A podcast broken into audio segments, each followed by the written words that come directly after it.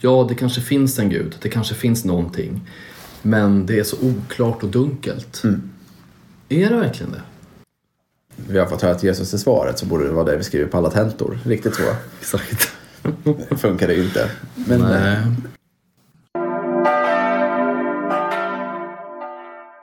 Messias kommer. Jag säger inte när, jag säger inte hur, jag säger inte var han ska födas. Men han kommer. Kanske, någon gång.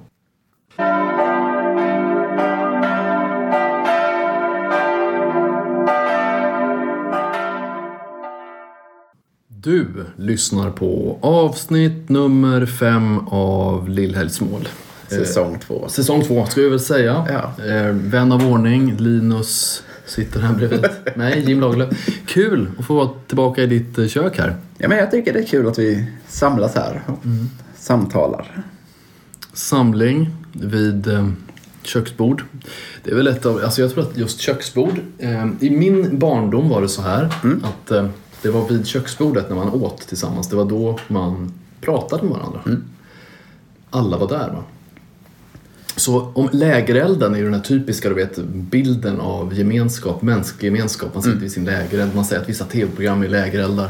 Men jag tror köksborden, jag vet inte, hur, hur, är, hur var det hos dig när du var barn? Var köksbordet ett samtalsplats eller var det mer här äter man och sen går man därifrån? Eh, nej, men det kunde vara en samtalsplats, absolut. Ja. Det finns en bok som, också som jag länge har tänkt läsa som heter just Själavård vid köksbordet av Esbjörn Hagberg. Just det. Den, Före biskopen i Karlstad stift. det var han som vigde dig va? Ja, men det ska vi inte lasta honom för tycker jag inte. Ja. Nej, men den, den har jag hört är väldigt bra men jag har inte hunnit läsa den än. Precis. Eh, jo, men han, han, är ju väldigt, han var ju väldigt eh, inne på det här med själavård. Han var ju själavårdslärare på den skola där du går, alltså Johannelund, eh, i flera år. Ansvarig för det och han hade en väldigt sån själavårdande attityd ofta. Eh, men då, och just vid köksbordet och då tror jag att för honom betyder det också någonting. Köksbordet som en plats där man liksom på ett vardagsmässigt sätt ses och byter tankar, erfarenheter. Eh, Jag har ju många syskon, jag har ju fem syskon och det kunde ju bli väldigt livligt vid köksbordet då. Alla ville ju kanske komma till tals. Berätta hur, vad har vi gjort idag, vad har man tänkt på? Man vill ha mamma och pappas uppmärksamhet, hela den biten. Va? Så, ehm, och jag känner fortfarande nu när jag är vuxen att det är vid köksbordet som jag och min fru brukar prata med varandra mest. När man inte sitter vid köksbordet så gör man ju massa saker. Och de gånger som när man ska äta, då har man liksom också tid att prata. Men nu har vi ju ett barn och hon brukar också säga så här, Prata med mig istället! Säger hon. så det, ja, det är svårt.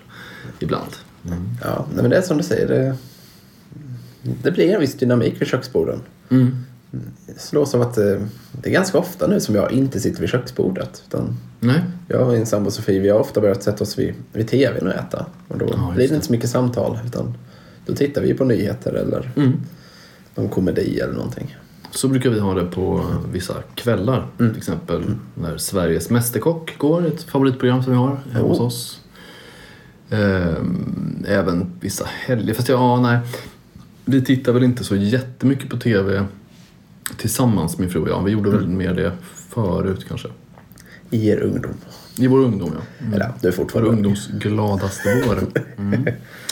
Ja, nej men verkligen. Ehm, nu har vi nästan, du vet, gjort så i min hemma hos oss då att vi bestämmer vissa kvällar när vi ska, nu ska vi ha tid när vi bara är tillsammans och pratar. Dricker någonting trevligt, sitter tillsammans och bara är i samma rum. Och inte några telefoner, inte någon TV, ingenting annat. Och ibland så har vi också läst tillsammans. Men, men jag återvänder till, kyr, till köksbordet. För att om jag säger så här, köksbordsteologi, vad, vad tänker du då?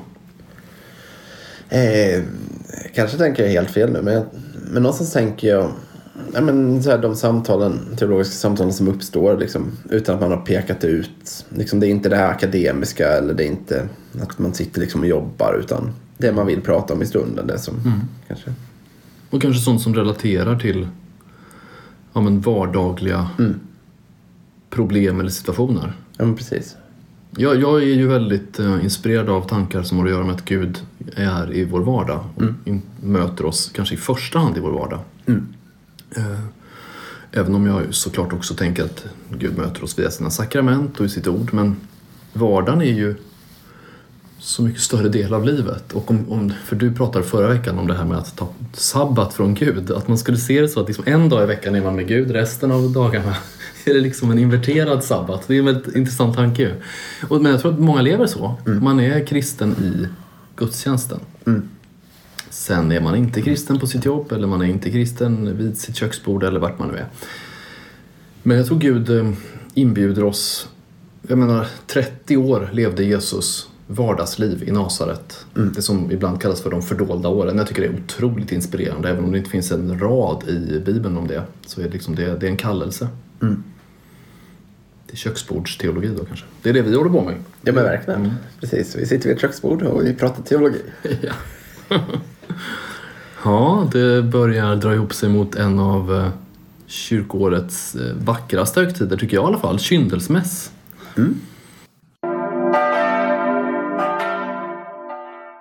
Exakt. Mm. Kyndel betyder ju ljus på gammalsvenska. Candle heter det ju på engelska. Så, Ja, precis. Och eh, för åtminstone den svenska kyrkan, jag vet inte om det fortfarande tillämpas i katolska kyrkan, men då var det just att man välsignade ljusen i kyrkan som skulle användas under året. mm, det gör ju vi. Och i början av gudstjänsten så får man varsitt ljus som används i gudstjänsten också, som man sitter och håller i fram till evangeliet. Och det var ju att eh, Josef och Maria tog ju den nyfödde Jesus till templet på den här dagen. Precis. Det är det vi. Och som ni förstår, ni som lyssnar, både hos eh, katolska kyrkan och i Svenska kyrkan läser vi samma evangelium den här söndagen. Eller har ni något annat? Ja, vi är i den spännande situationen att man får välja mellan två evangelietexter. Vad har du valt då? I Svenska kyrkan får man välja antingen mellan Lukas evangeliet 2, 22-40 och det är just här när man hör om den nyfödde Jesus. Ja, precis. Mm. Men man får också läsa från Johannes evangeliet 1, vers 14-18. Ja, om ljuset som kom in i världen ja. Ja, precis. Ordet blev kött, nåden och sanningen har kommit genom honom, Guds enda son. Ja, visst. Och vilken är det ni läser? Är det Lukas? Lukas. Ja, precis. Mm. Ja, Vi men börjar med det. Ja. börjar med Johannes evangeliet då. Och där är det ju en av de texterna som vissa, det beror ju på vad man har för relation. Vissa tycker att det är lättare att hantera när det blir de här konkreta berättelserna. Och vi vet ju att när jag diskuterat predikan med lite andra att vissa tycker att den här typen av texter där det mer liksom, man säga, blir men lite svårare att greppa kan vissa tycka. Att de är svårare att predika över. Medan vissa tycker att de är lättare. Så det är ju en, en smaksak. Ja, det beror säkert också på vilken typ av predikan man, man brukar hålla. Om man gillar att dyka ner i en berättelse och berätta om vad betyder den här detaljen och den här symbolen och hur tror du Jesus kände där eller vad och så vidare. Mm. Jo, det är, jag tror att det är ett, ett, ett, väldigt pedagogiskt sätt att predika. Ja, men precis. Men just här kring Johannes evangeliet så ställdes jag egentligen bara inför en enda fråga som jag tänker att vi diskuterar väldigt brett. Och det är, vad får det för konsekvenser att vi har mött Gud? För någonstans är det det som det här uttrycker. Att här, ordet blev kött, nådens sanning kom in i världen. Gud sände sin enda son som förklarade Fadern för oss. Och jag älskar ju det att står att han förklarade Fadern för oss. Jag tycker Ja. det är guld, särskilt i ett läge där väldigt många människor tror att vi inte har förmåga som människor att lära känna Gud. Att det liksom finns, ja det kanske finns en Gud, det kanske finns någonting. Men det är så oklart och dunkelt. Är det verkligen det? Ja. Och då, enligt Johannes evangeliet så är det ju inte det. Utan då har han ju verkligen Skynket har så att säga dragits undan till viss del i alla fall. Såklart kan vi inte omfatta Gud helt och hållet med våra tankar. Det är vi ju alldeles för begränsade för. Men nu var det inte den frågan du ställde utan du undrade ju Ja, men vi, ja. vad det får för konsekvenser att, ta emot, att ha tagit emot Gud. Var det så du sa? Eller att vi, har, ja, att vi har fått möta Gud, får möta. förstå Gud. Då frågar jag dig så här som en kontring på det. Ja. Har du eh, mött och förstått Gud? Jag menar att jag har mött Gud ett antal gånger. Ja. Jag upplever det som att jag har förstått Gud. För att uttrycka mig ödmjukt. Mm, jo, det blir ju sådär. För jag tycker att ha mött Gud, det skulle jag säga på ett sätt har vi alla gjort det mer eller mindre. Mer eller mindre medvetet kan man väl säga. Mm. Förstått Gud, eller att ha börjat med någon typ av vandring i att uppfatta vem, vem är den här guden som har skapat världen och som kommer för att rädda oss. Ja, man kan ju ha förstått eh, grundläggande saker. Jag minns en gång stod jag i ett kök i en, retr- i en retreatgård och eh, så sa jag, vet, vi hade ett långt samtal och så sa jag så här, jag förstår inte hur Gud tänker här. Och precis då gick en eh, dominikansyster förbi. Eh, syster Veronica hette hon, från Frankrike. Och hörde mig. Hon hörde liksom inte sammanhang och kontexten, men hon hörde att jag sa sådär och sa så. Men vad då? Tror du att Gud behöver någon psykolog eller? Ja. Då, det tror jag inte va. vi, vi ska nog inte... Alltså det jag tror att det här med att förstå oss på Gud, även om det står ju i Johannes evangeliet att han har förklarat Fadern för oss. Jag tror ändå inte att det där, den förklaringen har inte landat än riktigt. Eh, vi, vi har inte förstått.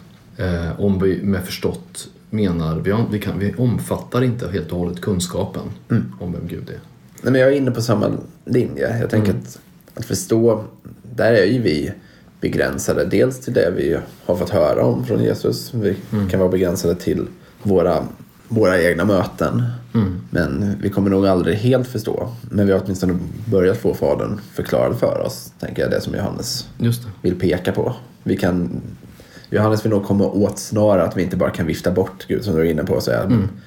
Gud är någon långt borta, högt uppe som jag inte kan förstå så det är inte ens värt att försöka.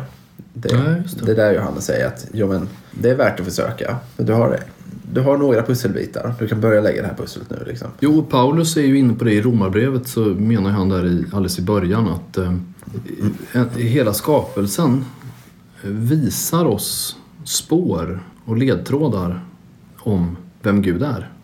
Men jag tänker ofta på att eh, alla av oss är liksom inte Sherlock Holmes. Eller vi har kanske ibland stängt av den förmågan att se de här ledtrådarna. Men vad, vad händer då om vi märker, ja det finns en gud. Från att vi inte har tyckt eller trott det och till att vi tror det. Jag skulle säga, för, för mig är svaret så här. Plötsligt fick tillvaron en mening. Det skulle jag säga är den stora, stora eh, förändringen mellan att inte tro att det finns en gud och att tro att det finns en gud. Jag upplever inte att förändringen var plötsligt så fick jag svar på alla mina böner eller, eller plötsligt så jag går från välsignelse till välsignelse så att säga. Seger är regel, nederlag är undantag. Utan, ja, min, bild, min bild är att saker och ting blev lite upplysta av ett ljus. Jag tycker att det finns en sång, eller jag tycker inte det. Det finns en sång i en film som heter Prinsen av Egypten. Och det är Ja. När Mose kommer ut i öknen dit eh, och eh, träffar den här kvinnan som, han, som var slav tidigare och hennes far och får leva med det folket där i, i Midjan. Och då sjunger eh, de en sång som är ungefär Se det som Gud ser, tror jag att de sjunger. Ja, precis. Så här. Se det Lär dig att se det himlen Precis, ser. precis. Se, lär dig att se det himlen ser. Look at yourself through heaven's eyes som man lyssnar Ja, på exakt.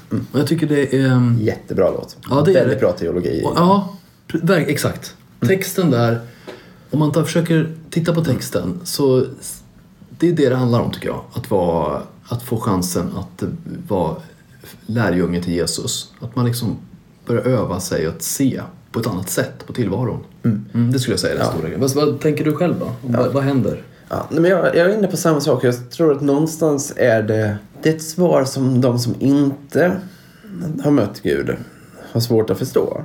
För att, men jag, jag upplever att jag ganska ofta får frågan nej, men varför finns det ondska eller att om Gud hör böner då är det väl bara för det att be om Ja. det här och det här så, så sker det. Men då missar man just att det handlar om att man förstår att det finns ett annat perspektiv på detta och det är genom himlens ögon vi ska se detta. Ja. Jo men precis.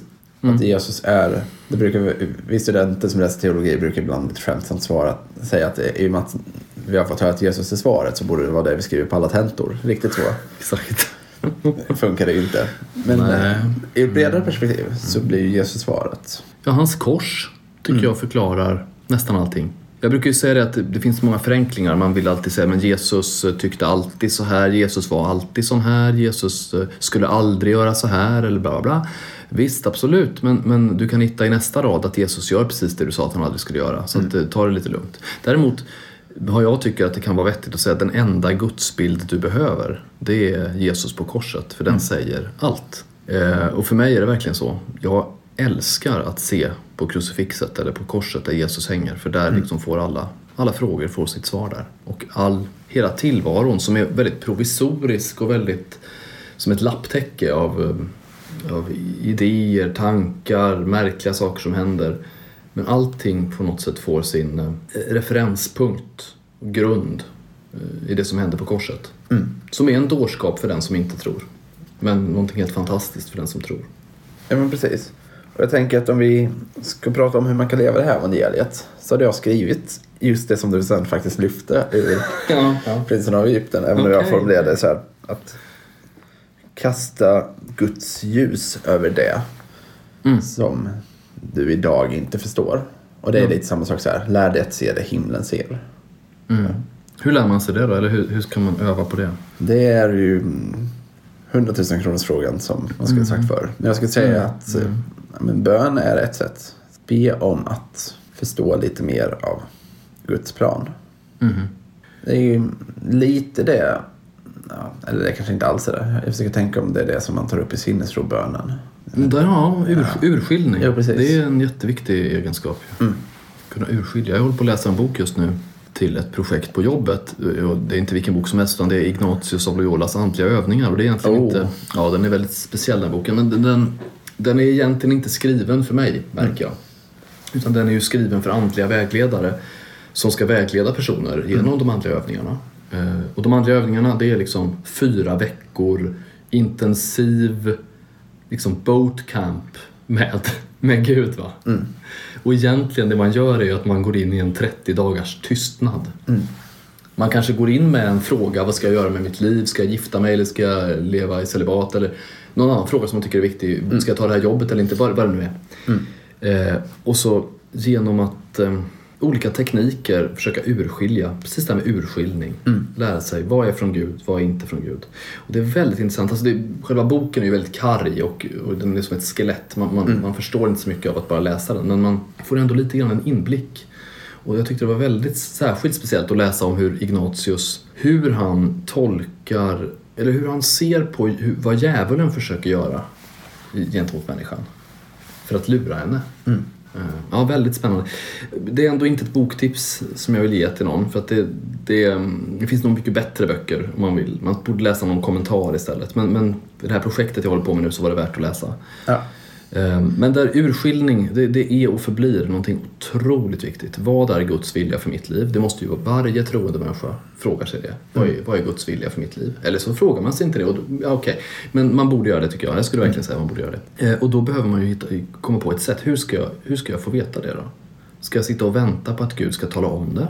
Ja, jag har ju verkligen bett så många gånger. Berätta Gud vad jag ska göra. Berätta för mig, berätta för mig, berätta för mig. Och så är det tyst, tyst, tyst. Sen till sist, kanske i efterhand, så ser man, aha, okej, han visade mig, men han gjorde det inte på det sätt jag trodde. Men ändå. Ja. Men jag tror att det, man, man, man har nytta av att fundera på, finns det fler sätt än att bara sitta och vänta? Klokt sagt. Och med det tänker jag att vi går över till den andra evangelietexten. Det kan vi göra. Ja. Och då, den finns då både i Svenska kyrkan och i katolska kyrkan som vi sa tidigare här, alltså från Lukas evangeliet och kapitel 2. Jag tror att det är den de flesta kommer läsa i Svenska kyrkan ändå. Ja, det är ju en klassiker. Jag älskar ju den texten. Och jag, första gången som jag kom i kontakt med den, då var det ju bara Symeons lovsång, alltså det som Symeon säger i texten. Han, ja, lite kontext först kanske då. Alltså Maria och Josef kommer till templet för att eh, utföra tempeloffret som man gör då när man har eh, fått eh, ett barn och det har, att göra med reningsceremonier och sådär, alltså rituell renhet och så. Efter en graviditet, efter att man har fött barn. Eh, och då i templet i Jerusalem då, man får föreställa sig väldigt mycket folk. Ändå finns det två personer i folkvimlet, två främlingar, som känner igen att det här Jesusbarnet då, att det är Messias. Det är Symeon och det är Hanna, två gamla människor som har funnits i templet väldigt länge. Och det står om, om Symeon att han hela sitt liv har väntat på det som kallas för Israels tröst. På svenska då. Eh, han har liksom fått en känsla någon gång tidigare i livet att jag kommer få se Herrens Messias. Jag kommer inte dö innan jag har sett det. Och sen då, av någon anledning, så förstår han att det där paret, Josef och Maria som kommer in nu med sitt lilla barn, där är Messias. Så han tar barnet i, i famnen och så säger han de här fantastiska orden och det var det jag stötte på då. Han säger ju Herre, nu låter du din tjänare gå hem i frid som du har lovat. Ty mina ögon har skådat frälsningen som du berättat åt alla folk, ett ljus med uppenbarelse åt hedningarna och härlighet åt ditt folk Israel. Eh, Och det är ord som, som förekommer i, den, i kompletorium, om man ber eh, tidigare den. Och det var där jag stötte på de här orden första gången och blev väldigt drabbad av dem. Jag älskar de orden. Jag vet inte riktigt varför längre men, men de, de har rotat sig verkligen så att jag, när jag hör, varje gång jag hör dem eller läser dem så det talar väldigt starkt till mig. ehm, om att eh, dagen på något sätt är kommen. Gud har gjort sig synlig för människorna. Ja. Jo, precis. Man kan ha honom i famnen som, som Symeon har där. Sen kommer också Hanna som är en kvinna. Hon, hon säger, det står inte någon, någonting som hon säger men hon blir väldigt lycklig och glad och dansar runt och, och sådär. Det som jag tycker kännetecknar det här är att de hela sitt liv har väntat. Det är svårt att föreställa sig. Ehm, när väntade du på någonting sist? Ja, jag väntade på mitt eh, covidbesked. Och det fick jag vänta på i fem dagar.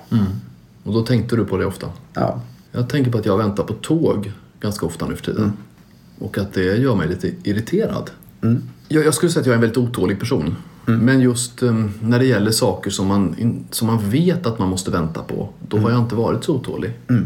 Och det jobbiga med att vänta på ett tåg som är försenat är ju att man inte vet när det kommer. Man liksom, kan det komma nu? Hinner jag göra något annat? Nej, jag kan inte gå härifrån för det kan ju komma när som helst. Den där känslan, eh, den är väldigt jobbig. ja. Jag skulle säga så här. Jag blir otålig om jag vet att jag också har någonting som drabbas av det här.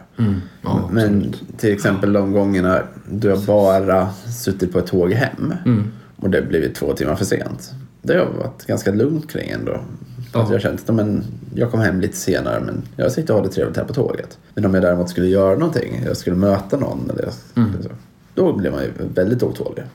Vid bara några minuters försening. jag blir galen så att säga. Om jag vet att nu den här förseningen förstör att jag ju skulle träffat den eller den eller jag skulle lämnat in den här saken eller vad det nu är. Det, jag vet få saker som stör mig så mycket som det här med att man får ändrade planer. Sen är jag ju flexibel. Alltså jag, går, jag, jag letar ju direkt efter hur löser vi det här, hur löser vi det här, hur ska Ja. vi ordna det här. Ja, men verkligen. Men, ja, men jag tycker inte det. Det finns ingenting jag tycker är kul med en sån situation. Symeon och Hanna verkar ju vänta hela livet och känslan är ju, många skulle väl ge upp. Om man vet såhär, okej, Messias kommer. Jag säger inte när, jag säger inte hur, jag säger inte var han ska födas, men han kommer. Kanske, någon gång. Håll ögonen öppna. Det är ju lite som, som när vi pratar om tidens slut. Alltså det vet ju vi troende att Jesus kommer tillbaka. Sen vet jag inte hur mycket vi tänker på det. Vi kanske snarare tänker, vi ska inte hålla på och grubbla över det. Men eh, kanske uppmaningen skulle vara ändå att det är någonting positivt med att hålla ögonen öppna inför när som helst kan jag möta Gud. Det, alltså inte, det betyder inte när som helst kan jag dö, visst är det så, men det, man behöver inte tänka så. Eller när som helst är den yttersta dagen. Man behöver inte tänka precis så, även om det är sant. Men man kan tänka att när som helst kan Gud komma mig till mötes på ett sätt som jag inte var beredd på. Och det som är viktigt att tänka på där, det är det som Paulus reagerar på. Blir jag lite osäker på om det är församlingen i Thessaloniker som han reagerar på. Nu, nu blandar jag faktiskt ihop breven. Men att det just är någon församling som tänker, men sista tiden är snart här så nu, nu slutar vi jobba. Nu slutar, vi, nu slutar vi bry oss. Just det, Och det är inte det som är meningen, utan vi ska ju fortfarande verkligen. leva och verka. Mm. Martin Luther, det är ju ett av de mest kända citaten av Martin Luther. Han säger väl så här att även om jag vet att Jesus kommer imorgon så ska jag utföra mina plikter idag. Plantera mitt äppelträd säger han väl då. Jo, precis. Jag tror det. Ehm, och ehm, ja, nu, det här är ju intressanta saker. Eh, jag tänkte ändå fastna lite grann vid attityden som, som jag tror kännetecknar Symeon och Hanna. Alltså det här hoppfulla tålamodet som de har. Alltså de orkar vänta och de tar vara, gissar jag på, de tar vara på nuet i sin väntan. Ofta när man väntar så tänker man det här är förspilld tid. Det som händer nu är att, just, att tiden bara går, att den försvinner bort i någonting som aldrig kommer tillbaka. Det finns ju en psalm, en kvällssalm som jag älskar som är Så går en dag ifrån vår tid och kommer icke mer eller aldrig åter. Mm. Eh, och ibland tänker jag det som väldigt ödesmättad. Eh, jag, jag är nog inne på lev varje dag fullt ut. Och om jag ska provocera lite kan jag säga så här, lev varje sekund fullt ut. Jag är liksom inne väldigt mycket på det där att inte, man ska inte slösa bort någonting. Slösa heller inte bort vänt- väntetiden. Se inte på den som förspilld. Jag tror inte Hanna och Symeon såg den här väntan som meningslös. Nej. Utan jag tror att de, jag vet ju inte det här, jag är ju inte deras psykolog. Men jag tror och jag hoppas att de liksom, det fanns någonting förväntansfullt ständigt. Är det nu han kommer? Är det nu han kommer? Så som ett barn, du vet, som snart kommer tomten. Är det nu? Ja, snart. Är det nu? Ja, kanske snart. Så, och in, att det där inte klingar av, utan att det, de fortsätter ha den här härliga känslan i kroppen av att snart kommer Messias. Snart får jag möta Gud. Ehm, jag önskar att jag tänkte mer så. Tänker du så ibland? Alltså, vad, vad gör du av din väntetid? Ja, vad gör jag av väntetiden? Men jag, säger, jag försöker göra någonting bra av den. Sen tror jag att jag kanske inte har den här, vad ska man säga, barnlängtan som vi tänkte Nej, prata om. Det har man ju inte. Men jag försöker absolut göra det bästa jag kan av det. Jag tror att det är jag... Ja, jag vet inte om man vågar säga det här. Är det att du scrollar på Facebook? Ja, nej, nej. Ja, det gör jag i alla fall. Ja, ja. Nej, men jag har... Nej, jag vågar inte säga det faktiskt. Jag, Ja, gör inte jag, det. Jag, jag stryker det. Vad spännande. Kära, kära poddlyssnare. Eh, vi tackar för uppmärksamheten. Ja. Och eh, be för oss så kommer det bli bra. Vi, vi hörs om en vecka. Det gör vi. Hej då. Japp, hej.